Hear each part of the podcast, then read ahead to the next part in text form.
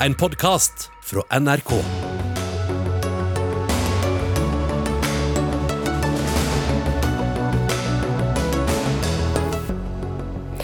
Norge stiller som observatør på en konferanse om atomvåpenforbud. Utrolig at de velger å legge seg ut med allierte, sier tidligere utenriksminister. Hvis eh, Munch hadde levd i dag, så hadde han nok valgt en eh, Polestar, sa Munch-museets direktør da han fortalte om samarbeidet med elbilprodusenten. Museet selger sjela si, mener kunstredaktør. Hvordan skal kvinner date etter fylte 40? Senk forventningene om markedsverdien din, råder psykolog. Og regjeringas juleløfte om vikarbrukinnstramming får kritikk fra både Høyre og Venstre. Ja, Det er noen av sakene vi kan by på her i Dagsnytt 18 denne fredagen. I studio Gry Veiby.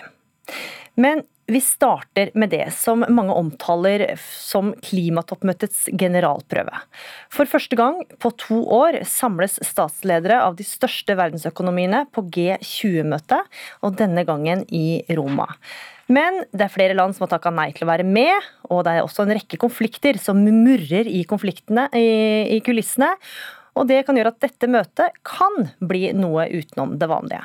Og Simen Ekern, europakorrespondent her i NRK, du er med oss fra Roma, hvor flere ledere allerede er på plass før eh, toppmøtet starter i morgen. Og sikkerheten står i høysetet, det er varsla flere protester. Hva er det italienerne forbereder seg på? Når det gjelder eh, romerne, så forbereder man seg jo på en rekke demonstrasjoner. Det har vært demonstrasjoner tidligere denne måneden, noen av voldelig art. Eh, så 5000 eh, politimenn, 500 militære, helikoptre, bombehunder osv. står klare til å passe på alle lederne. De fleste av dem har allerede eh, kommet, som du sier. Og for statsminister Mario Draghi, som møtte Joe Biden for litt siden, så er nok det viktigste klima. Å få på plass noe som er bindende og forpliktende i forkant av møtet i Glasgow. Det vil være en suksess for Draghi. Er det forventninger som andre også har knytta til dette møtet? Ja, det er det i høyeste grad. Klima er jo eh, av et av de viktigste punktene på programmet. Eh, Emmanuel Macron også naturligvis eh, vil videreføre Parisavtalen. Vil gjerne også vise at han står i spissen for et viktig politisk vedtak. Europa har jo snart ikke lenger Angela Merkel, og både Draghi og Macron vil gjerne vise at de er viktige statsmenn, og denne saken er av en så viktig art at den kan være det som eh, gjør at det inntrykket medfører riktighet. Eh, i tillegg så, så, er det vaksiner eh, og hvordan verden skal komme seg videre etter pandemien som står eh, på agendaen. Mm, vi skal til USA, og der er du eh, USA-korrespondent Anders Tvegård. I dag landa USAs president Joe Biden. Han har allerede møtt paven. Hvilket mandat er det han har med seg fra hjemmebane i dag? Biden han vil eh, vise lederskap, eh, få G20 f.eks. til å bli enige om en global selskapsskatt og understreke at USA er tilbake på den eh, globale scenen. Men så er det jo flere som lurer på akkurat hvor. Fordi eh, etter ni måneder som eh, president så har det vært en omstridt tilbaketrekking fra Afghanistan. Det har vært en konflikt mellom Nato-allierte om et eh, ubåtsalg til Australia. Og bare en håndfull ambassadører, USAs øyne og ører, er godkjent. Og så, på hjemmebane, så er han heller ikke over målstreken når det gjelder pengepakker for f.eks. sosiale tjenester klima og infrastruktur. Så akkurat hvor sterkt han står, det er det nok eh, flere som, eh, som lurer på. Og så er det som du sier, det murrer en del konflikter i bakgrunnen, altså på det storpolitiske nivået her. Og en av dem er denne ubåtkrangelen mellom Australia, USA og Frankrike. Og Joe Biden møtte også president, Frankrikes president Macron for første gang siden pandemien i dag. Hvordan er forholdet mellom de to landene nå? Det er betent. Det oppleves som illojalt, det oppleves som ukollegialt. Det har gitt en ripe i lakken, ja, faktisk en stor bulk i hele bilen når det gjelder Bidens forhold til europeiske allierte. Biden han møtte for et par timer siden president Macron i Roma, reiste til Frankrikes ambassade i Roma. og Møtet det er i ferd med å avsluttes der nå. og Det er da første gang de to eh, møtes personlig. De har snakket sammen på telefon i et forsøk på å gjenopprette et eh, tillitsforhold. og Her pekes det på at dersom USA hadde hatt en ambassadør eh, på plass i Paris f.eks., så hadde ikke dette blitt en så stor konflikt og, og så surt forhold. Man hadde klart å håndtere dette på en litt annen måte. Selv om USA ikke har beklaget, og ikke kommer til å beklage, at de har inngått en, en kontrakt med Australia. Og dette er ubåtstriden. Altså, det er ikke den eneste konflikten Frankrike har vært involvert i i det siste. Landet har også vært i konflikt med Storbritannia om eh, fiskerirettigheter eh, til veldig store verdier. Og Gry Blekastad Almås med oss fra London, Storbritannia. Hvordan påvirker denne konflikten forholdet mellom Storbritannia og Frankrike? Er jeg ute, eller? Det hjelper jo ikke at Storbritannia også er på USA og Australias side i ubåtkonflikten. Men, eh, men, nå er det altså fiskeristriden med Frankrike som er aller mest betent, og den spisser seg jo veldig til. I dag har den franske ambassadøren vært på teppet her i, i, London for å, å forklare seg. Mens det trues altså på, på begge sider nå med forskjellige virkemidler hvis man ikke får løst den. Det handler jo altså om at akkurat nå så er det én britisk båt som er eh, tatt i arrest eh, i en fransk havn og siktet kapteinen for å ha fisket da i franske farvann ulovlig. Eh, her mener jo britiske myndigheter at det ikke er tilfellet. Det større bildet er jo at franskmennene er veldig misfornøyd med at de ikke har fått mange nok fiskeri- eller fiskelisenser i Den engelske kanal etter brexit, mens britene står på sitt og sier at de har fått innvilget nesten alle sine søknader. Det er bare 2% som ikke er innvilget, og det er fordi de ikke kan eh, levere den nødvendige dokumentasjonen på at de har rett til å fiske i kanalen. Men det, dette er nå en, en, strid som nå spisser seg så mye til at franskmenn har sagt at uh, hvis ikke britene har noe å gi innen tirsdag, så vil de nekte fritis, uh, britiske fartøyer å lande sin fisk og, og, sjømat i Frankrike. Mens britene da sier at ja vel, hvis det er tonen, så kan vi også svare med sterk kost, og truer bl.a. med å Eh, melde inn dette som et brudd på eh, denne brexit-avtalen som dette er snakk om. Mm, så denne konflikten kommer til å fortsette. Hvilke interesser er det Storbritannia tar med seg inn på dette G20-møtet nå? Ja, altså Denne saken vil definitivt bli et tema mellom eh, Boris Johnson og Emmanuel Macron. Men eh, Simen var også innom klima selvfølgelig som en stor og viktig sak. Og eh, ikke minst for Boris Johnson, som nå er vertskap for den store klimakonferansen som starter på søndag, så blir det viktig for han å få G20-landene med seg på å eh, legge mer penger på bordet. Eh, dette er land som eh, har vært store forurensere tidligere, og som fortsatt til dels er det det. Eh, trengs mye penger for de landene som vil bli rammet hardest av klimaendringene framover. Det er gjerne land som ikke har veldig mye penger, og som kanskje ikke er de landene som har forurenset mest heller. Eh, men foreløpig så har man slitt med å få så mye penger på bordet som eh, man har satt seg som mål før dette møtet i Glasgow. Så jeg tipper at Boris Johnson vil være på en slags frierferd, tiggerferd kanskje, til sine kolleger i G20 om at nå er det på tide å legge mer penger på bordet. Mm.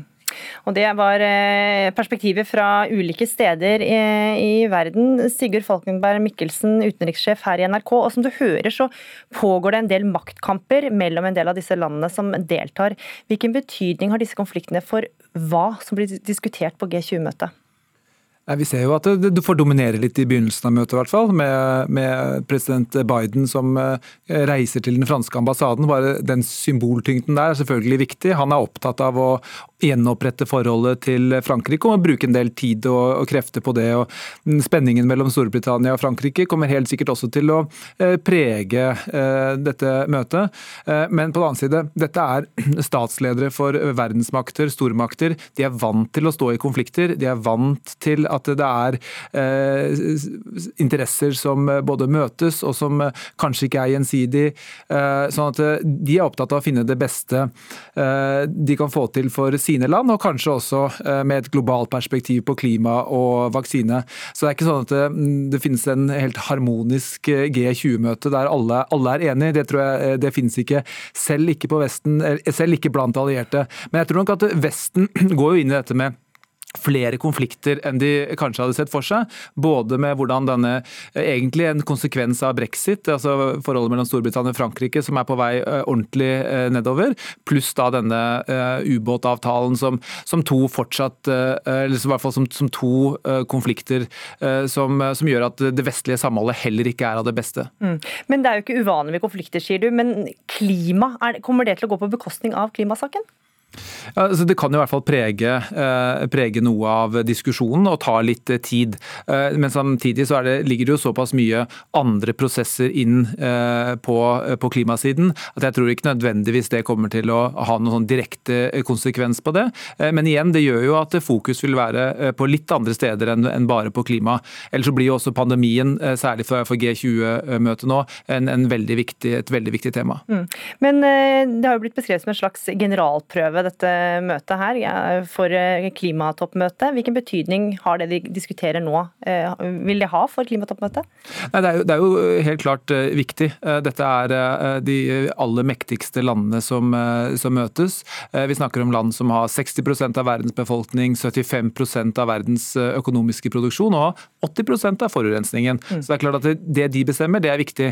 Men så er det jo også sånn at dette er første gang de møtes ansikt til ansikt som G20-gruppe. Det er viktig.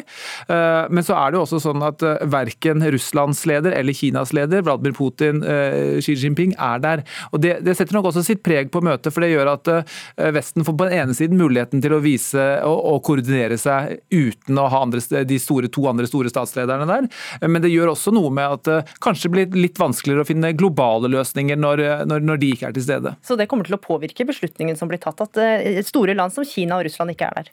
Det er i hvert fall en fordel hvis det skal gjøres kontroversielle og store beslutninger, at eh, lederne, lederne også er der. Mm. Og I morgen så starter det vel eh, offisielt før klimatoppmøtet på søndag. Sigurd Falkenberg Mikkelsen, utenrikssjef i NRK, takk for at du var med. Takk også til Simen Ekern, europakorrespondent, eh, og Anders Tvegård, USA-korrespondent, og Gry Blekastad Almås, London-korrespondent her i NRK.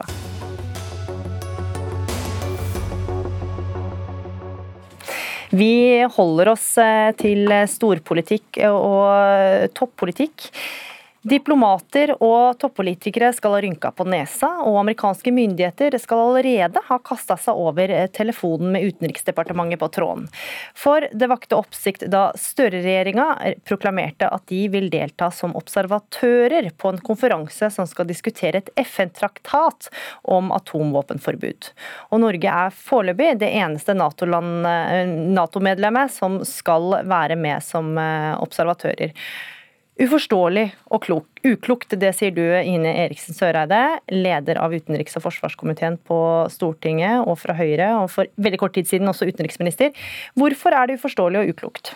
Jeg mener det er veldig uklokt at eh, det første den nye regjeringa gjør på det sikkerhetspolitiske området, er å legge seg ut med våre nærmeste allierte uten å kunne forklare det på noen god måte. Og Det er jo ingen som er uenig i målet her om en verden fri fra atomvåpen. Det er også Nato. Spørsmålet er jo hvordan vi kommer dit. Og forbudstraktaten er jo dessverre ikke veien dit. Men du legger seg ut med Natos allierte, sier du. Hvordan gjør de det ved å være observatører?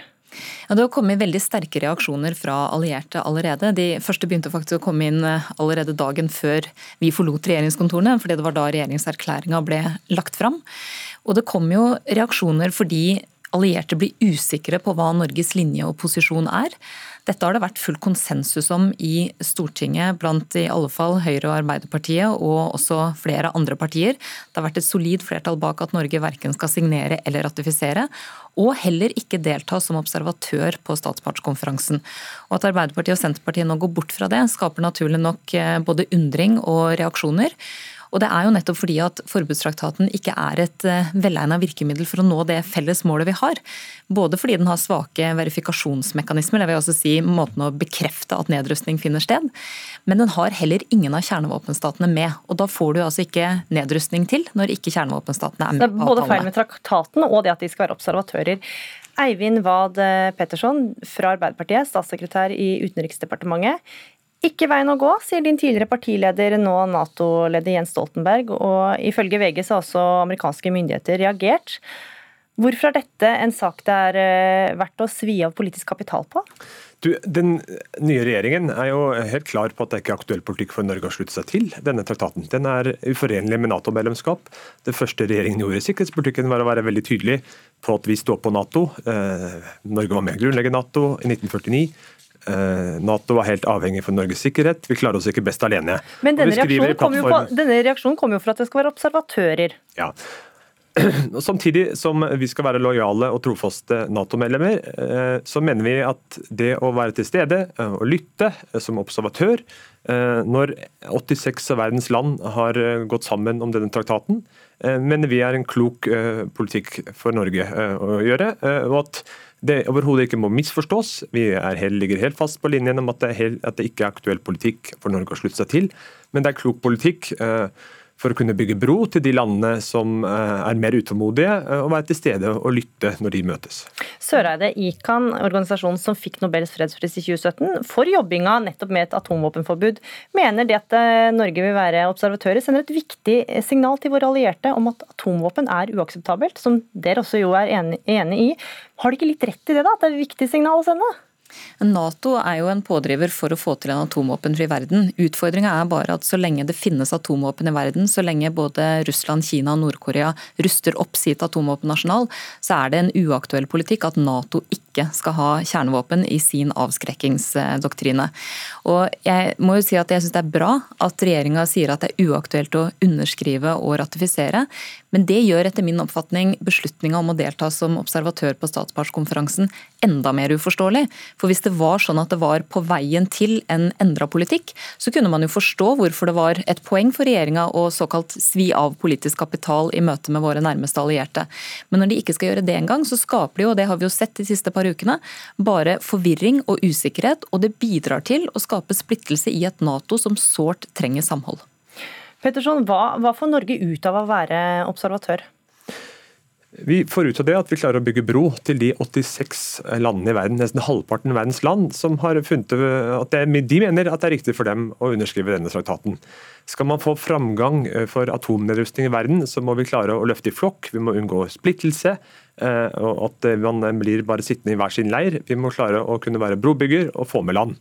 Eh, der, eh, være til stede og lytte, det er et godt prinsipp for Norge og norsk diplomati. at eh, mange organisasjoner og steder hvor vi ikke er deltaker selv, men vi er med og lytter og følger med. Men kan, men kan du se at det at dere bare skal være observatører, kan også bidra til å sende et signal om at regjeringa kanskje er på glid? Det er jeg veldig glad for å kunne bruke også denne anledningen til å si klart og tydelig at det er ikke aktuell politikk for den norske regjeringa å slutte seg til denne traktaten. Mm. Men det er jo det er dessverre sånn at det er arbeidet med forbudstraktaten som har skapt mye polarisering i det internasjonale nedrustningsarbeidet. Og En av årsakene til det er altså at ingen atomvåpenmakter er med, og det blir ingen nedrustning uten at de er med. Det er også sånn at det bidrar til å Så FN-traktatet er helt verdiløst? Så lenge atomvåpenmaktene ikke er med, så blir det ingen nedrustning. Eh, og Det er jo det som skiller forbudstraktaten f.eks. fra kjemivåpenkonvensjonen eller biologivåpenkonvensjonen. Der er de aktuelle statene med. Og Det er også stor frykt for at det arbeidet som nå skjer i rammen av forbudstraktaten, kan bidra til å undergrave det kanskje aller viktigste instrumentet vi har for nedrustning, nemlig ikkespredningsavtalen. Og det, man, og det er jo rett og slett bl.a. fordi at der er kjernevåpenstatene med. I forbudstraktaten er de ikke med, og verifikasjonsmekanismen er altså betydelig svakere enn det som anses å være den globale normen.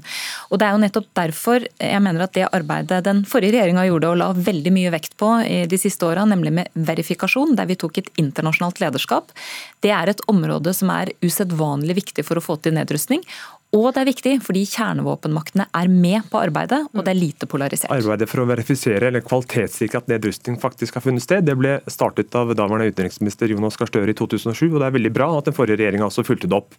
Eh, den nye regjeringa har eh, litt større ambisjoner enn den forrige. når det gjelder men, men, men Hva sier du til dette med at dette FN-traktatet det har ingen verdi fordi at atommakten ikke er med der? Altså, det, det, er ikke her den store uenigheten går. Jeg har vært veldig tydelig på på vegne av regjeringa at det er uaktuell politikk å slutte seg til, og at vi deler mye av kritikken av denne forbudstraktaten. Men den finnes i verden. 86 av verdens land har sluttet seg til. Eh, det, vi, det, er en realitet vi må ta på alvor. Eh, eh, men Hva hjelper det hvis ikke atomvåpenlandene selv er med? Ja, det er helt enig, De må også være med, men vi må få med flest mulig land. Og Når halvparten av verdens land har sluttet seg til her, så, et, så mener vi det er et sted en arena Norge bør være til stede og lytte som observatør. Men det er jo sånn at Arbeiderpartiet sjøl har stemt mot i Stortinget at Norge skal delta som observatør. Og det er jo helt riktig som Eivind Wahl Petterson sier, at dette er ikke i tråd med våre Nato-forpliktelser. Og det er en traktat som Arbeiderpartiet har gått imot å både signere og ratifisere. For meg er det da ganske uforståelig, og jeg mener fortsatt veldig uklokt, å legge seg på den linja regjeringa nå har gjort. Det skaper enormt mye usikkerhet og potensielt sett splittelse. Og jeg klarer ikke å forstå, med den forklaringa regjeringa nå gir, at det skal være verdt å bruke politisk kapital kapital overfor våre allierte, fordi man har lyst til å bygge bro, eller såkalt eh, sitte inne og lytte eh, på disse argumentene, som jo regjeringa kjenner godt. Og Det er altså ikke der framgangen skjer, dessverre. Man Men er det ikke bedre det å gjøre sånn. noe enn altså for Nedrustningsarbeidet går jo ikke så, det, så at det suser. Er det ikke bedre å bare gjøre noe? Jo, men Dette er jo ikke å gjøre noe. Dette er jo ikke et arbeid som bringer nedrustningsdebatten eller agendaen fremover. Jeg skulle ønske den gjorde det. Nato har jo vært veldig tydelig på behovet for nedrustning, men den må være gjensidig, irreversibel, verifiserbar og balansert. Og Nato har sjøl kvitta seg med 90% av atomstridshodene siden slutten av den kalde krigen. Det har vært et viktig arbeid, og det må fortsette. Men det må fortsette innenfor de rammene der alle er med, inkludert de som faktisk har kjernevåpen. Mm. Ellers blir det ikke effektivt eller realistisk. Petterson, eh, din regjering er også splitta internt eh, i forbindelse med atomvåpenforbud. Eh, Senterpartiet har landsmøtevedtak om forbud, dere har det ikke. Hva vil du si til dem som mener at den observatørstatusen er, et forsøk på kompromiss? Men alle, begge partiene står helt klart på det som nå er regjeringas felles plattform. Nemlig at vi ikke skal slutte oss til denne traktaten, men at vi vil følge med og delta som observatør når de 86 eh, landene som har undertegnet skal møtes. Og det er i januar dette møtet er? er det blir nok først i mars. Utsatt i mars. utsatt i mars. Ja, Da får vi se hvordan det går, da. Eivind eh, Wad eh, fra Arbeiderpartiet og Ine Eriksen Søreide fra Høyre, takk for at dere var med i Dagsnytt 18.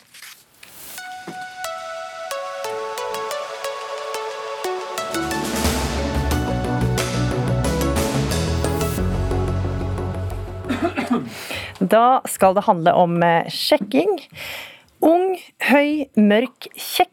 Ja, lista over kriterier til menn kan være lang, men stiller kvinner, og særlig de over 40, for høye forventninger og krav i forhold til det de selv kan stille opp med? I Aftenposten kunne vi nylig lese om 49 år gamle Monica, som syns det er vanskelig å finne kjærligheten. Og Et av ekspertrådene hun og kvinner i samme situasjon fikk, var å revurdere egen markedsverdi, fordi kvinners markedsverdi faller raskere enn menns. Og dette rådet det reagerte du på. Nina Strand, du er kunstner og redaktør i Objektiv. Eh, du lurte på om eh, disse ekspertene rett og slett var blitt feilsitert. Eh, hvorfor det? Ja, jeg reagerte på artikkelen til at det rådet denne kvinnen fikk, var å nedjustere sin markedsverdi og tenke, prøve å være litt mer realistisk i forhold til hvor hun er nå. Så tenker jeg at det tror jeg hun vet veldig godt selv. Og så spurte jeg på Twitter om dette var et feilsitat. At, eh, og jeg reagerte også på eh, ordbruken når det gjelder å finne kjærligheten, om psykologer skal snakke om markedsverdi og nedjustere. Men, men, man snakker jo om et datingmarked, er det ikke da naturlig å prate om varene i samme marked? Ja, for jeg synes det med at man snakker om eh, kvinner eller menn som varer også er litt forslitt, og at vi er litt ferdig med den måten å tenke på selv på. Um, så, så da ja. Ja, Vi får høre fra en av ekspertene, nemlig deg, psykolog Peder Kjøs. Dette tipset kom fra deg og Frode Tuen. Ja, Ble dere feilsitert, eller hva mente dere egentlig? Nei, vi gjorde nok ikke det. Vi, vi siterte jo sjøl og for så vidt. da. Vi siterer en uh, britisk sosiolog som heter Catherine Hakim, som har skrevet om Det er hun som står bak dette begrepet erotisk kapital, da, eller seksuell kapital. Fordi det, når man skal møte noen og man vil ha noe i en relasjon, så må man ha noe å tilby tilbake. Og det man tilbyr tilbake er jo veldig ofte, da, når det gjelder kvinner og menn, så er det veldig ofte sånn at eh, menn er ute etter liksom skjønnhet og ungdom, og damer er ute etter trygghet, innflytelse, makt, sånne ting. Og så blir det en bytterelasjon der, da. Og det dette rådet her handla om, var det fenomenet at den markedsverdien, da, for å kalle det det, som du har når du er ung og pen. Da. Og når du blir litt eldre, så har du ikke den samme. Som og, kvinne?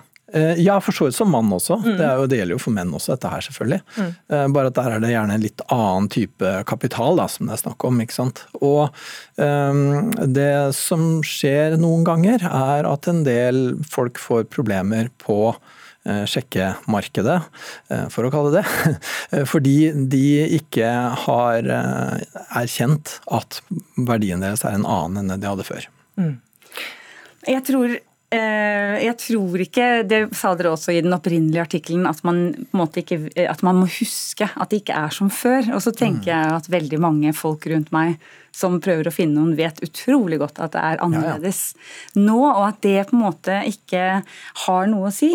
Eller at det ikke skal være viktig. Og eh, jeg syns jo Jeg tenker at det ikke skal være viktig. At, at Altså, uh, Utseende, eller at kapital, altså den, alt dette her rundt liksom erotisk kapital, rundt det ja. hvordan man ser ut, ikke er viktig. Og at det begrep, jeg syns det begrepet er vanskelig. da. Ja, Men det er jo viktig.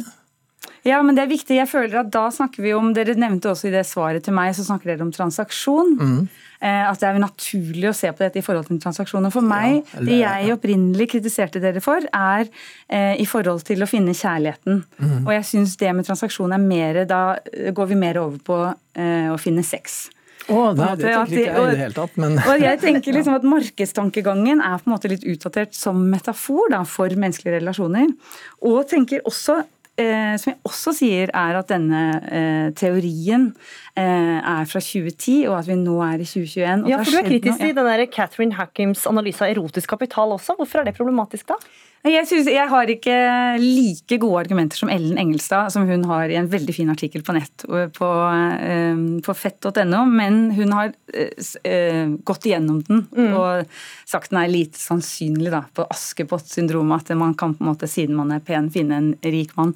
Men jeg syns jo etter det som skjedde etter både metoo og etter um, f.eks. Black Lives Matter-revolusjonen, at vi syns vi har en holdnings... Jeg syns vi ser en holdningsendring i hvordan vi snakker om hverandre, og hvordan vi Hva det er vi eh, legger eh, som verdi i hverandre. Da. Så disse rådene er litt utdaterte? Er det jeg synes det er utdatert, men jeg syns aller mest det jeg reagerte på, er vel det at jeg tenker at uh, din rolle, da, eller deres roller som profilerte psykologer, da kan dere være med å bidra til den endringen jeg syns vi ser. Og at en endring bort fra på en måte å se på oss som varer og se på oss som marked, mm. men hjelpe til at det er noe annet vi ser ja, hva, etter. Da. Hva burde de skrevet mm. istedenfor, da? Jeg tenker at eh, det at jeg syns det er problematisk at hun får problemet. Mm. At hun Nei, du har lister, og du må nedjustere. At det, mm. liksom ligger, at det ligger hos henne. For dere snakker også om at lister, at kvinner skriver lister over hva de ønsker ja, og det eh, gjør menn. også, ja. Mm. Menn gjør også det. De mm. har også sine lister og sine forventninger og sånn og sånn. ikke sant? Så det, det, er akkurat Det tenker jeg er ganske likt. Men hvorfor er det så, skal det være så vanskelig for kvinner pluss 40 pluss å date, altså enn for menn?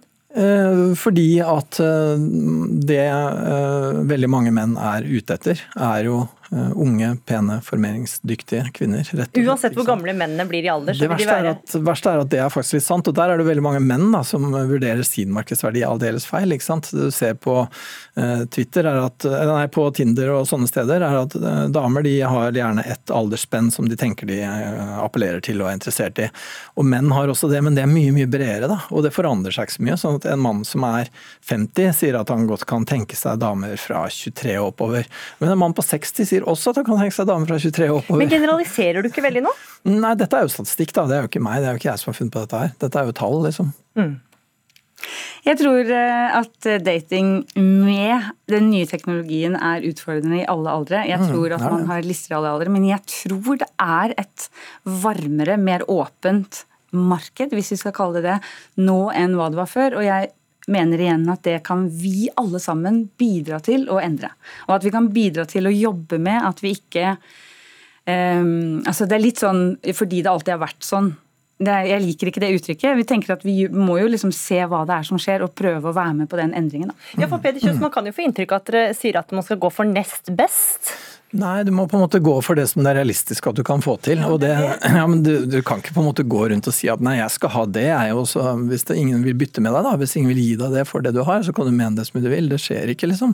Det er bare sånn det er. og Hvis man ikke vil innse det, så er det jo man sjøl som på en måte egentlig kanskje ikke er helt i takt da, med hva man kan forvente. liksom. Det er akkurat som Det samme hører du fra uh, menn da, med lite utdanning og lite på en måte sånn sosial kapital, ikke så god til å prate og sånne ting. Så sitter de og mener mener at damer burde like akkurat sånne som dem.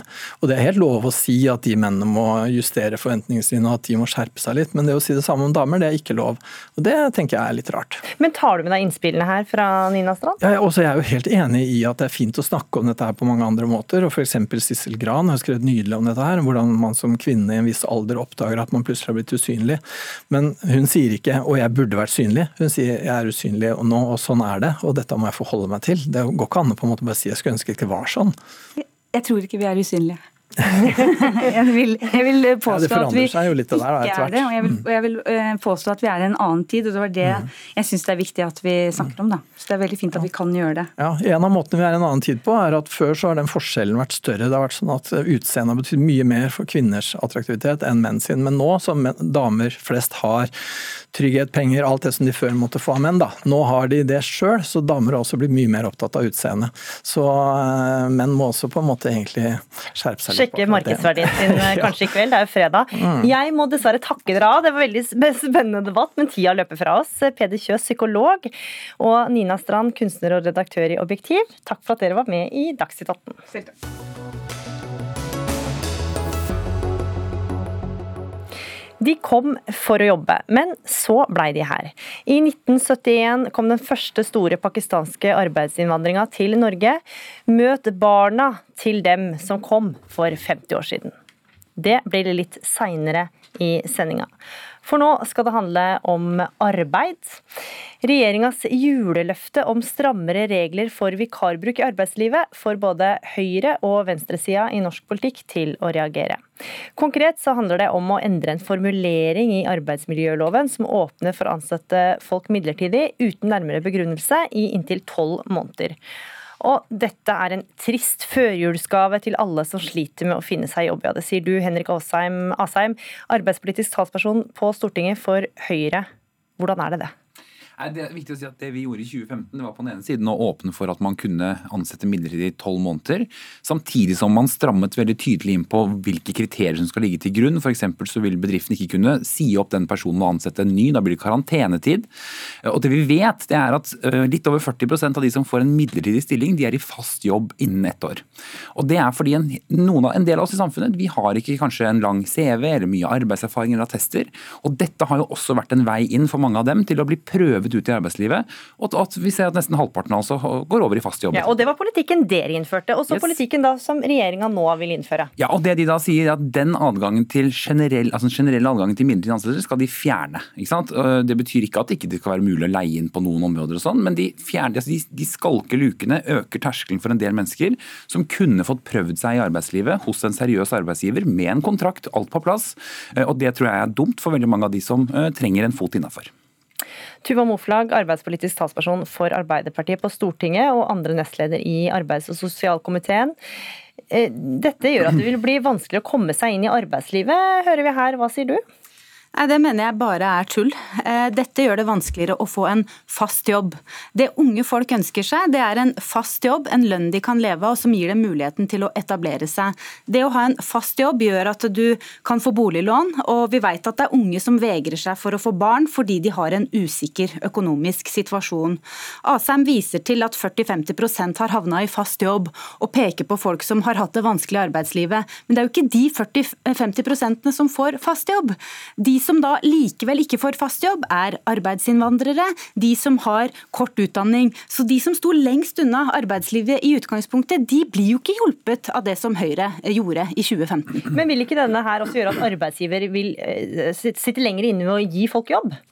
Nei, eh, det tror jeg ikke. Og det er mange muligheter man kan gjøre for å gi folk muligheten til å få arbeidserfaring. Det kan være svangerskapsvikariater, det kan være praksisplasser og sommerjobber. Men mer midlertidighet er ikke en god vei å gå. Og jeg syns dessuten det er helt absurd når grunnplanken i arbeidsmiljøloven er faste stillinger. Hvorfor skal da vi, vi da ha en generell adgang til midlertidighet? Her er det flere ting å si. For det første så er det sånn at det finnes en hel del mennesker som ikke står mellom en midlertidig og en fast jobb, de står mm, utenfor arbeidslivet. De trenger en mulighet til å vise hva de kan i arbeidslivet, og her skalker dere lukene for mange av dem. Det andre er at midlertidighet i Norge går jo ned. Det er færre midlertidig ansatte nå enn det var sist dere satt i regjering. De som er verst på midlertidige stillinger, det er ikke privat sektor, det er offentlig sektor. Og Derfor har vi jo løst mange av de utfordringene gjennom å endre arbeidsmiljøloven, slik at du nå kan planlegge lengre vakter eksempel, innenfor helse og omsorg, som gjør at flere kvinner nå får faste stillinger istedenfor heltidsstillinger, istedenfor å stå ufrivillig deltid. Vi må se alle disse tingene i sammenheng. Men jeg er bare veldig urolig for at Arbeiderpartiet nå lukker en av dørene som mange har benyttet seg av for å komme inn. Og når 40% da er i fast jobb, så sier Tuva Blomfang at det er jo de ressurssterke. Vel, de er i fast jobb. Altså Det er folk som har vært utenfor, fått en midlertidig stilling, som nå har blitt en fast jobb. Det må da være et gode. Mm. Nei, Det kan også være sånn at mange mennesker blir drevet fra midlertidighet til midlertidighet. Det er forskning som peker på det også, bl.a. Fra, fra OECD. Men poenget er det at det fins andre måter man kan få prøvd seg i arbeidslivet på. Som jeg nevnte, vikariater, praksisplasser, sommerjobber. Og dette gjør at flere vil få prøve seg i arbeidslivet, mener du? Nei, Jeg mener at det er andre muligheter man kan ha til å prøve seg i arbeidslivet uten å ha en generell adgang til midlertidige ansettelser. Vi mener at den lovendringen var et skritt i feil retning. Mm. Det er jo ikke sånn at arbeidstageres rettigheter rives ned i ett jafs over natta. Det skjer ved å plukke på paragraf for paragraf. og Derfor så vil vi fjerne den midlertidige adgangen. Mm. Joakim eh, Espe, du er leder for Bygningsarbeidernes fagforening, som altså inngår i LOs eh, nest største forbund, Fellesforbundet. Du er også medlem av Rødt og vara til partiets eh, landsstyre. Hva, hvordan reagerer du på forslaget her fra regjeringa, altså juleløftet deres om innstramming i vikarbruken? Ja, for å si det først, så støtter vi selvfølgelig reverseringen av den generelle avgangen til midlertidige ansettelser. Men det som vi mener er saken her, er at det er jo ikke det som er årsaken til det den massive bruken av løsarbeid i en rekke bransjer, bl.a. vår egen i byggebransjen. Den store låvedøra for løsarbeid i Norge i dag, det er innleie fra bemanningsbyråer. Det er det man må ta tak i hvis man vil sikre et organisert eh, arbeidsliv med faste ansettelser. Hvorfor er det problematisk, da? Det er problematisk fordi du har ikke et reelt stillingsvern når du er leid inn gjennom et bemanningsbyrå. Det fortrenger faste ansettelser. I byggebransjen i Oslo har vi sett de siste 15 årene en systematisk nedskalering i andelen fagarbeidere i produksjonsbedrifter som har blitt erstattet med innleie fra bemanningsbyråer. Og det har jo ført til at vi har en organisasjonsgrad på 10% i byggebransjen. Det er alvorlig. Mm. Det har ført til et enormt press på opparbeida lønns- og arbeidsvilkår. Mm, det er bemanningsbyråene og situasjonen der som er problemet, Tuva Moflag? Jeg mener at problemstillinga er sammensatt, og at bemanningsbransjen selvfølgelig er en del av den problemstillinga. Der har vi jo også sagt at vi vil stramme inn eh, og fjerne den adgangen til innleie som fortrenger nettopp faste stillinger. Det er faste stillinger som er målet, og det kommer vi til å levere mange gode forslag på. Vi har jo sagt at vi skal ha en storrengjøring i arbeidslivet, og også styrke lovverket med tanke på heltid, som Henrik Asheim var inne på. Mm. Ja, men Vi trenger ikke noen utredninger for å slå fast denne utviklingen. Det har Vi sett. Vi har kartlagt det gjennom en rekke rapporter. Vi har hatt fire politiske streiker. Vi fikk en lovendring under forrige regjering som strammet inn på dette, fordi de også så at her måtte gjøres noe. Eh, sånn at Det, Det mangler ikke på dokumentasjon på problemstillingen. Dessuten så har jo Arbeiderpartiet og Senterpartiet foreslått det vi krever i, eh, som er streikekravet, nemlig å ta i bruk en forskriftsadgang som ligger i arbeidsmiljøloven i dag. Det krever ikke en lovendring. det krever ikke ikke at man har det på en stor høringsrunde. Dette var noe som Arbeiderpartiet lovte i valgkampen, senest eh, på et debattmøte rett før valget, da vi hadde en politisk streik fra Trine Lise Sundnes. Eh, så vi skjønner ikke hvorfor dette nå må utredes, når Arbeiderpartiet har foreslått det og stemt for det i opposisjon tre ganger. Mm. Nei, Dette kommer til å komme, men vi ønsker å komme med denne generelle adgangen, eller altså fjerne den generelle adgangen til midlertidige ansettelser. Men dere hadde det som valgkampløfte, hvorfor ikke bare gjennomføre det? Nei, men vi skal gjennomføre det. Men uten utredning? Nei, Vi har sagt at nå kommer dette første grepet først, som da handler om å stryke den delen som går på generell adgang til midlertidige ansettelser i arbeidsmiljøloven. Og så kommer vi med mer politikk på innleie så fort vi er klare til det. Og Det er jo også en av de tingene som ligger helt øverst i bunken i Arbeids- og sosialdepartementet. Mm. Espen, man kan jo, du er jo fra Rødt, man kan jo tenke at det er veldig lett kritikk å komme fra, da, fra et parti som ikke engang er villig til å ta regjeringsansvar? Ja, men Dette kravet kommer ikke fra partitilhørigheten min, det kommer fra de flere tusen bygningsarbeiderne jeg representerer. Og det kommer også fra landsmøtet vårt i Fellesforbundet, som i 2019 vedtok at vi skal kreve å avskaffe bemanningsbransjen i sin nåværende form. Og som et strakstiltak så krevde vi at man tar i bruk forskriftsadgangen der det trengs mest. Og det er åpenbart i byggebransjen i Oslofjordområdet. Så at det er et bredt forankra krav blant veldig, veldig mange i fagbevegelsen som har erfart erfart og sett konsekvensene av det løsarbeidet som har fått bre seg altfor lang tid nå. Ja, altså, Hva sier du til at bemanningsbransjen er problemet her? Nei, altså jeg er veldig, og Det sa jo SP for så vidt også i sitt innlegg, at vi strammet jo inn på en hel del områder. For det var problematisk, ikke minst innenfor byggenæringen, som SP selv representerer. Eh, og Derfor så fjernet man forbød nulltimerskontrakter, man sier at det skal være tariffavtale på bedrifter som har innleie osv. Men vi er ikke villige til å uh, avvikle bemanningsbransjen. og det er rett og slett fordi Selv om det har vært noen kritikkverdige forhold som vi har strammet inn på, så er de også en veldig viktig del av en, en liten, men viktig del av arbeidsmarkedet vårt. Det er ca. 1,5 av arbeidstakerne som jobber i bemanningsbransjen. Og som da uh, tar av f.eks. topper på verft på Vestlandet, denne typen ting. Uh, så det er en liten, men viktig del, men det skal være skikkelige og ryddige forhold. Derfor har vi også strammet skikkelig til. Mm. Ja, En liten del hvis du regner hele sysselsettingen i Norge under ett. Men for byggebransjen så er den veldig høy, og for byggebransjen i Oslo-området så er den opp mot 40% av de som jobber på byggeplasser er innleid fra bemanningsbyrå. Så dette er et alvorlig og stort problem i en rekke bransjer. Det kan ikke avfeies med at hvis du sammenligner alle sysselsatte, så er det en liten prosent. Så dette her må det tas tak i, for det, er, det undergraver det vi liker å kalle den norske arbeidslivsmodellen. Mm. Tuva Moflag, eh, nå er det du som sitter med makta. Kan du love at det blir slutt på innleie?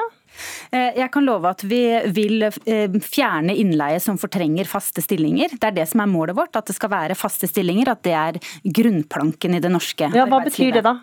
Nei, Det betyr at eh, det som egentlig SP etterspør, det skal vi levere på. Eh, men samtidig så vil det jo være sånn at store produksjonsbedrifter som verft f.eks. kan låne personell av hverandre. Derfor så har vi ikke sagt et forbud, men at vi også vil avvikle den i sin nåværende form. Hvor den fortrenger faste stillinger, og hvor vi får de utslagene som SP pekte på, med helt ekstreme tilstander i byggebransjen i Oslo.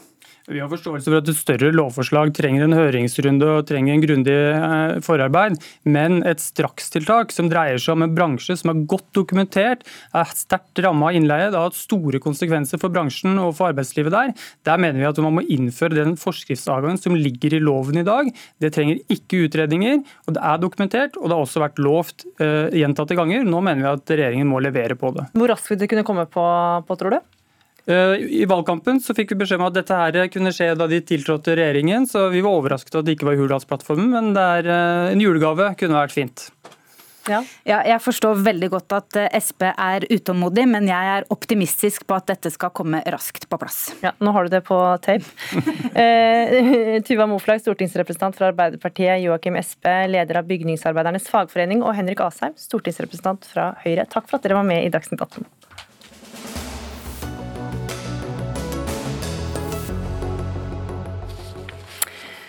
Se for deg følgende bilde. Foran det store, grå Munch-museet triller en splitter ny elbil av typen Polestar, og ut kommer museumsdirektør Stein Olav Henriksen.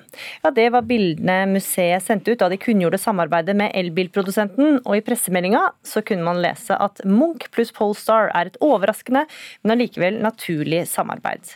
Una Mathisen Gjerde, du er kunstredaktør i Subjekt og en av dem som har reagert på måten museet har promotert samarbeidet på. Hva, hva er problemet her? Eh, problemet er jo hovedsakelig det her sitatet som Stein Olav eh, la ut også i den pressemeldinga, hvor han sier at eh, hvis Munch hadde levd i dag, så tror han at han hadde erverva seg en Polestar. På det tidspunktet så blir jo da Munch omgjort til en slags varemerke som han slenger om seg litt sånn som han vil. Det jeg reagerer på her, er jo at museet bruke Munch sin arv og på en måte som virker mildt sagt litt problematisk, og som også viser at de har en manglende faglig integritet, vil jeg si. Ja, Du kaller det useriøst? Ja, jeg syns det er useriøst. Mm. Stein Olav Henriksen, direktør ved Munch-museet, og altså deg, som vi kunne se i Polestar. Du sier jo pressemeldinga som ble sendt ut at som ble sagt her, at Hadde Munch levd i dag, så hadde han nok ervervet en Polestar. Hvordan kom du på å koble de to? Nei, for det første vil jeg si at Denne type reaksjoner den bidrar til å skape et inntrykk av en eh, kultursektor som er veldig selvhøytidelig og elitær. og Det er akkurat det vi ønsker å, å unngå. Nå har vi hatt en åpning med mange tusen mennesker. Vi har lav terskel, vi har lykkes med det. og øh, Da tenker jeg at det også provoserer en del, og det ser vi på mange på en måte øh, områder. Men det er reaksjonene. Men spørsmålet mitt, hvordan kom du på å koble de to? Munch og Polestar? Det er jo fordi vi så på samarbeid for det første generelt med, med, mange aktører. Vi har nesten 100 samarbeidspartnere. Eh, vi så også på flere typer eh, bilmerker.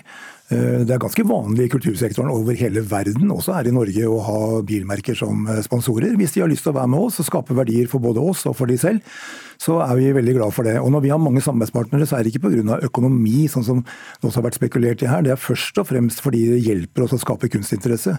De tar med, ja, men ser du problemet med å bruke, at, bruke Munch? Altså at Munch kun, hadde likt denne bilen? Jo, men Det er det jeg mener med å være selvhøytidelig. Jeg sier selvfølgelig det her, det er ikke forskningsbasert. Det er med glimt i øyet og sagt på spøk. ikke sant? Og, og, det at man da tar dette på blodig alvor, problematiserer det og, og, og, sånn sett, da, eh, så kan jeg jo forstå at, eh, at, det skaper reaksjoner. Men de reaksjonene ligger nok dypere enn akkurat denne samarbeidsavtalen. Mm. For det vi gjør når vi bygger ned uh, terskelen, det er at vi tar vekk noe av dette hierarkiske uh, kunstmiljøet, som gjør at uh, når det blir sånn at vi ikke snakker til folk, men med folk, ikke ovenifra og ned, men på samme nivå, så er det mange av ekspertisen som føler at nå mister de en arena. Nå mister de på en måte Men hvordan er det å snakke ja, men... på samme nivå med dette samarbeidet? Det skjønte jeg ikke. Nei, poenget er det at eh, vi eh, skaper en lav terskel for å komme inn på Munch-museet gjennom en lang rekke samarbeid. Dette er en av de. Og, men, og hva er det som er folkelig med en eh, elbil? Det forstår jeg ikke. Jeg synes men, men, men, på det her. Men, men, men bare først gjøre det. Altså, det var gjort med humor. Ja ja, altså vi skjønner jo det. Det er jo ingen som tror at Munch hadde erverva en Polestar, han hadde jo ikke førerkort. Fyren tok taxi overalt.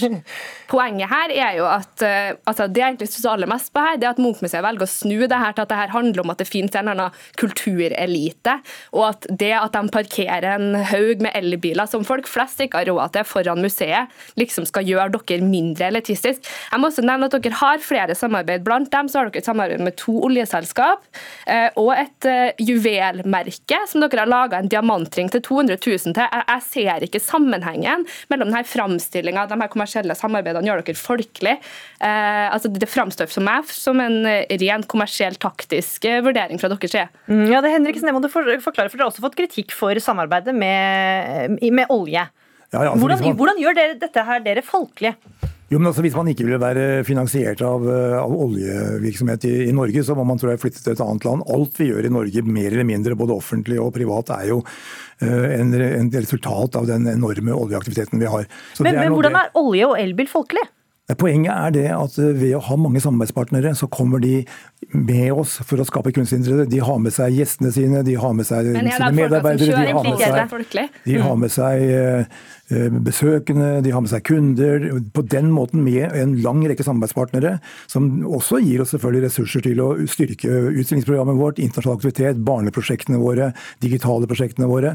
Det er bra, men det viktigste er at vi får mange forgreninger ut i samfunnet, og vi får mange mennesker som kommer inn i vårt kunstmuseum som ikke ellers ville vært der. Jeg bare minner om, vi har tolvdoblet lokal besøk gjennom de siste årene. Det er bl.a. fordi vi har mange samarbeidspartnere, jobber godt sammen med samfunnet rundt oss. Men er det pga. samarbeidspartnerne eller pengene samarbeidspartnerne Nei, det er får inn i kassa? Deler, men det er først og fremst pga. samarbeidspartnerne. At de er med oss. At du har mange samarbeidspartnere som kommer inn med sine kunder, sine medarbeidere, sine gjester. Alt det de representerer. Det vi bygger sammen her, er jo kunstinteresse i et mye bredere segment i samfunnet enn det som tradisjonelt går på uh, kunstinstitusjonene eller, eller på kunsttilbudet. Det er veldig bra, og det er veldig viktig. Og det jobber vi med hele tiden på mange områder, ikke bare med sponsorer og mm. samarbeidspartnere. Mm. Men det er viktig for oss, og det er det som er det eh, som, som ligger i det å ha en lav terskel. Eh, sørge for at dette er et sted hvor alle kan eh, føle seg hjemme. Alle kan komme tilbake igjen og være en del av dette. Så spør du ja, er det bare håper å si, dyre produkter og dyre merkevarer osv. Nei, det er ikke det. Det er, det er, mange forskjellige ting, for det første. Og for det andre så er det ikke sikkert at det er så veldig dyrt heller. Nå skal ikke jeg sitte her og promotere videre, men jeg skal i hvert fall si det at Men elbil er jo litt dyrt, da? En elbil er jo dyr, altså en av de samarbeidspartnerne deres. Ja, da vil jeg bare anbefale dere å gå inn og se på den prislista, uten at jeg skal si noe mer om det. Ja. Ja, nei, altså jeg sjekka prislista. En Polestar det koster mellom 350 000 og 1,2 millioner, litt avhengig av hvilken bil du kjøper. Men poenget er at folk flest i Norge har ikke råd til å kjøpe seg en helt ny bil. Men, men Gjerde, her prøver jo museet å gå litt nye veier, og det de genererer jo penger til museet, og også flere besøkende. Er ikke det vel så viktig, da? Jo, jo, altså Poenget er at det er kjempebra at de har kommersielle samarbeid. Det jeg reagerer på her, er at man sier at man altså For det første så er hovedmisjonen til Munch-museet det å formidle og, og, ta vare på Munchs arv. Det tror jeg vi kan være enige om. Ja, delvis, Den andre delvis, tingen er at man da bruker Munch i en kommersiell sammenheng hvor man liksom, det er humor, eh, og så kan man liksom dra fram det navnet sånn som det passer seg. Da tenker jeg at det svekker den faglige integriteten. Og så er det tredje her, at den unnskyldninga som så brukes for å forklare hvorfor man har gjort det her, som jeg mener er et helt tydelig faglig feilgrep, eh, er at det skal være folkelig, og det er ikke noe sammenheng mellom denne bilen som dere har parkert utenfor, eller de her bilene, og det å være folkelig. Jeg ser ikke den broa der. Og så syns jeg det er rart at du, som direktør for et av landets største offentlige museum, eh, sitter og forsterker et bilde av folk som er interessert i kunst, som en eller annen kulturelite. Jeg sitter ikke og snakker om det som en kulturelite, de som er interessert i kunst. De er hjertelig velkommen. og stadig, Nå blir det stadig det flere og flere og flere og flere ikke sant? som blir interessert i kunst. Og Det er vår hovedoppgave. Ja, vi skal ta vare på Edvard Munch og hans uh, samling. Men kommer du til å bruke navnet til Munch igjen? Altså at dette ville Munch du, Det er jo en lang tradisjon for å spekulere på den ene eller andre måten om hva Edvard Munch hadde gjort eller sagt eller kjørt, eller Og noen spurte meg om uh, Men i går kunne vi lese fra subjektet at du har trukket sitatene om Munchs bilvalg? Nei, jeg ser at dette her blir grovt misforstått. Uh, og at det, ikke, at det, er veldig vanskelig å, å, å, å, på en måte ha litt glimt i øyet og være litt spøkefull. Det fins jo ingen toleranse for det, det er ingen romslighet for det, det er ingen raushet for det. Vi skal være kanskje litt mer forsiktige med det. Men jeg mener fortsatt det, at vi må ikke være så selvhøytidelige at vi ikke kan drive med noe glimt i øyet. Jeg har lyst til å drive med glimt i øyet, jeg er veldig opptatt av humor, både internt hos oss og Mm. eksternt hos oss. Det kommer jeg til å fortsette med. Og så får vi se på hvilken form det skal ha. Ja. Men i alle fall så mener jeg det at vi må bygge ned, og det jeg mener med elitær, det er denne selvhøytideligheten. Ja. Det er ikke bare dette saken her. Det har vært mange saker i det siste hvor folk har vært kritiske til bortimot hva som helst av det vi har eh, gjort, mens veldig mange er veldig begeistret og kommer på besøk og blir kunstinteresserte sagt, og eh, opplever kunst. Det er jo veldig lett å avfeie all kritikk som at den er selvhøytidelig. Jeg tenker at eh, De aller fleste i kunstbransjen har mer enn nok humor, men det her var rett og slett ikke morsomt. Og da fikk du siste ord, unna Mathisen Gjerde, kunstredaktør i Subjekt. Eh, Takk for at du var med i Dagsnytt 18. Takk også til deg, Stein Olav Henriksen, direktør ved Munch-museet. Får vi se hva neste reklamestunt blir.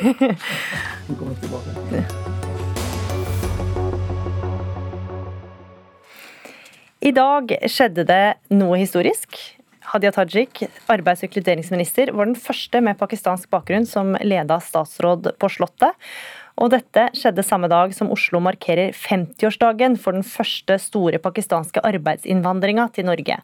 Som avisene omtalte som pakistanerbølgen i 1971. Shazia Majid, du er journalist i VG og forfatter, og datter av arbeidsinnvandrere fra Pakistan. Du kommer rett fra markeringa nå, som var eh, i Oslo rådhus. Hvordan var det å være gjest der i kveld? Veldig rørende. Det er jo nesten litt vanskelig å snakke om det, fordi um, det var bare veldig rart å se foreldregenerasjonen bli gjort stas på på den måten. Og i Oslos storstue eh, med kongen til stede, Raimond Johansen holder en fantastisk tale. Jeg rakk ikke å høre kongen tale jeg måtte, fordi jeg måtte løpe hit, men uh, Raymond fikk veldig mye applaus, for det, det er veldig stort. Det er nydelig å, å, å, se så mange pakistanere på samme tid inne i uh, rådhussalen. Jeg merker at du er rørt. Osman Khan, regionrådgiver i Redd Barna. Du er også andre generasjons innvandrer. Faren din kom fra den pakistanske landsbygda til Norge for å søke jobb, og skulle etter planen bare være her noen år før, før han skulle reise tilbake. Men sånn endte det jo ikke. Nei, jeg tror det er en historie som gjelder mange andre også. Men så så man jo at det var mange muligheter man fikk, og det Ja, og pappa begynte å trivdes, men han ønsket å ha familien i nærheten. sånn det var jo et savn som var der. Og, og man blir jo på en måte møtt på en Altså Det var både ulemper i den tiden, men så var det også et behov for, for den generasjonen som kom da. Kanskje et mer uttalt behov enn det er i dag. Sånn at Da fikk han familien sin til Norge etter hvert, og så ble jeg født her. Uh, og så har vi bare blitt her. en historie som mange kjenner seg igjen i. Ja. Uh, Mahid, hvilke fordommer ble de første arbeidsinnvandrerne møtt med? Eh, de samme fordommene som innvandrere med ikke-vestlig bakgrunn blir møtt med i dag, egentlig. Det er egentlig veldig lite som har endret seg på 50 år, men i 1971 så var det jo helt sensasjonelt å bare se brune men for de sto jo rett opp ned på Karl Johans gate og visste ikke hvor de skulle gjøre av seg. Ja. Mm. Så, det, så, det, var en sensasjon, og det er ikke rart at eh, man ikke helt visste hvordan man skulle håndtere det. Så det var veldig mye tøffe tak i starten for fedrene våre og mødrene våre. Mm. Men uh, i dag så bor det nesten 40 000 uh, pakistanere, eller innbyggere med pakistansk bakgrunn i Norge. Ca. halvparten bor i hovedstaden. Hvilken rolle har pakistanere spilt i norsk samfunnsliv siden de første kom for 50 år siden? De har jo vært med på eh, å bygge landet fra 70-tallet eh, og fremover. Mamma og pappa hadde jo de jobbet jo i fabrikker begge to, ved samlebåndet. Mamma på Fellesmeieriene og pappa i glassene. Ja, i fabrikker, og så har de hatt vaskejobber ved siden av. Det er jo disse jobbene vi så vi var så vanvittig avhengig av under pandemien. Alt kunne stoppe, men det kunne ikke stoppe opp. Mm. De jobbene var det pakistanerne, tyrkerne og marokkanerne og inderne som tok eh, da på 70-tallet. Så, så, de har helt klart satt sitt preg, og særlig da på Grønland og Stovner. I Oslo. Mm. Ja. Osman Khan, faren din jobba mange år i byggebransjen og uten noe fagutdanning. Hvordan beskriver han om den tida, eller hva sier han om det? Altså, han er bare veldig positiv. Uh, han så først og fremst på mulighetene. Uh, og så er det på en måte det med den generasjonen som vi snakker om nå. Det, det, det unike og det fantastiske er at uh, alle hadde jo drømmer. Jeg vet ikke, Pappa hadde jo mange andre drømmer òg, som man på en måte ting man ønsker å gjøre, som, som jeg også har. Men, men så på en måte lot de disse drømmene leve videre, sånn at barna deres kunne leve ut disse drømmene. Og, og, og, de mulighetene de skapte for oss, har jo vist at norskpakistanere gjør det kjempebra i dag. Og, og, det viser også på en måte hva man er i stand til å få til hvis man blir gitt riktige muligheter og blir møtt på en, en god måte. Da. Eh, og ikke minst hvor hardtarbeidende folk, eh, folk vi er. ikke minst. Det er det eh, riktig å, å, feire i dag. Hva har det betydd for deg og søsknene dine da, at foreldrene dine valgte å bli i Norge? Det har jo uh, eh, åpna seg helt andre muligheter enn det det kanskje hadde vært i, i Pakistan. Det på en måte blir en hypotese. Men uh, jeg tenker at de utfordringene de møtte, og tross disse utfordringene, at de likevel valgte på en måte Mamma som gikk, ut, gikk til foreldremøter og var engasjert selv om hun ikke beherska språket. At, at de, hun tok den eh, lange turen med, med med handlevogn, nei, babyvogn, og putta inn eh, handlevarer sånn at vi kunne oppleve det samme som alle andre naboene gjorde. At, at de på en måte gikk ekstra, de ekstra stegene, da, sånn at barna deres ikke på en måte følte at de var annerledes. Det tror jeg også har bidratt til at vi på en måte har lært å, å, å, vokse opp med en følelse av at vi på en måte vi, vi får til det samme, vi kan gjøre, gjøre, det samme som alle andre. da. Mm. I eh, 2019 Marshid, så skrev du boka 'Ut av skyggene den lange veien mot likestilling for innvandrerkvinner'. og Da skriver du om en ung pakistansk kvinne som landa på Fornebu flyplass i 73. I ventehallen sto både ektemann og bolig og jobb, og kvinnen var spent og lykkelig uvitende om livet som venta henne. Hva venta henne, kvinnen som senere ble din mor? Ja.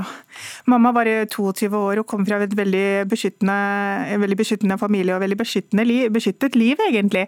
Så ble jo hun kastet rett ut i arbeidslivet, for mamma var en av de veldig få pakistanske kvinnene som, som var en fremmedarbeider selv. Det er det vi kalte dem den gangen. En av ti pakistanske kvinner jobbet, så det, de fleste gjorde jo ikke det. Så, så for mamma så var det arbeidslivet som ble tøft, men for pakistanske kvinner generelt så er det isolasjon Mangel på språk, mangel på sosiale koder, mangel på kvinnefellesskap. Og dette er i dag? Nei, jeg snakker om da mamma, da, kom. Da mm. mamma kom, mm. så var det sånn. Og det er jo mammagenerasjonen som nå har vært her i 50 år. Og for mange av dem så har det blitt slik i de 50 årene de har vært her.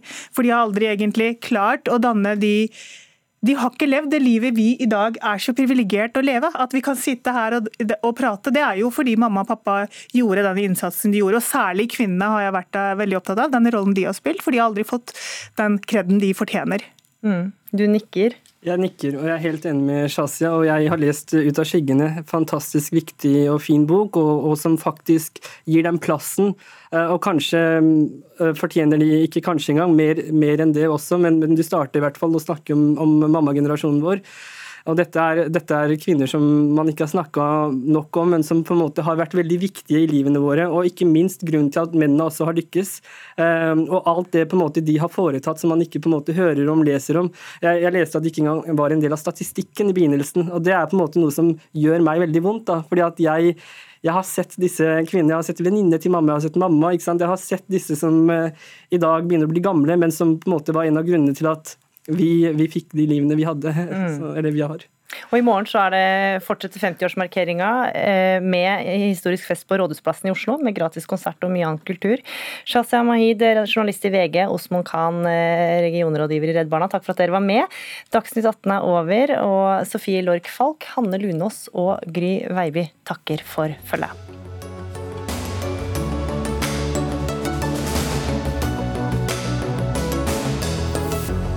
Du har hørt en podkast fra NRK. Hør flere podkaster og din favorittkanal i appen NRK Radio.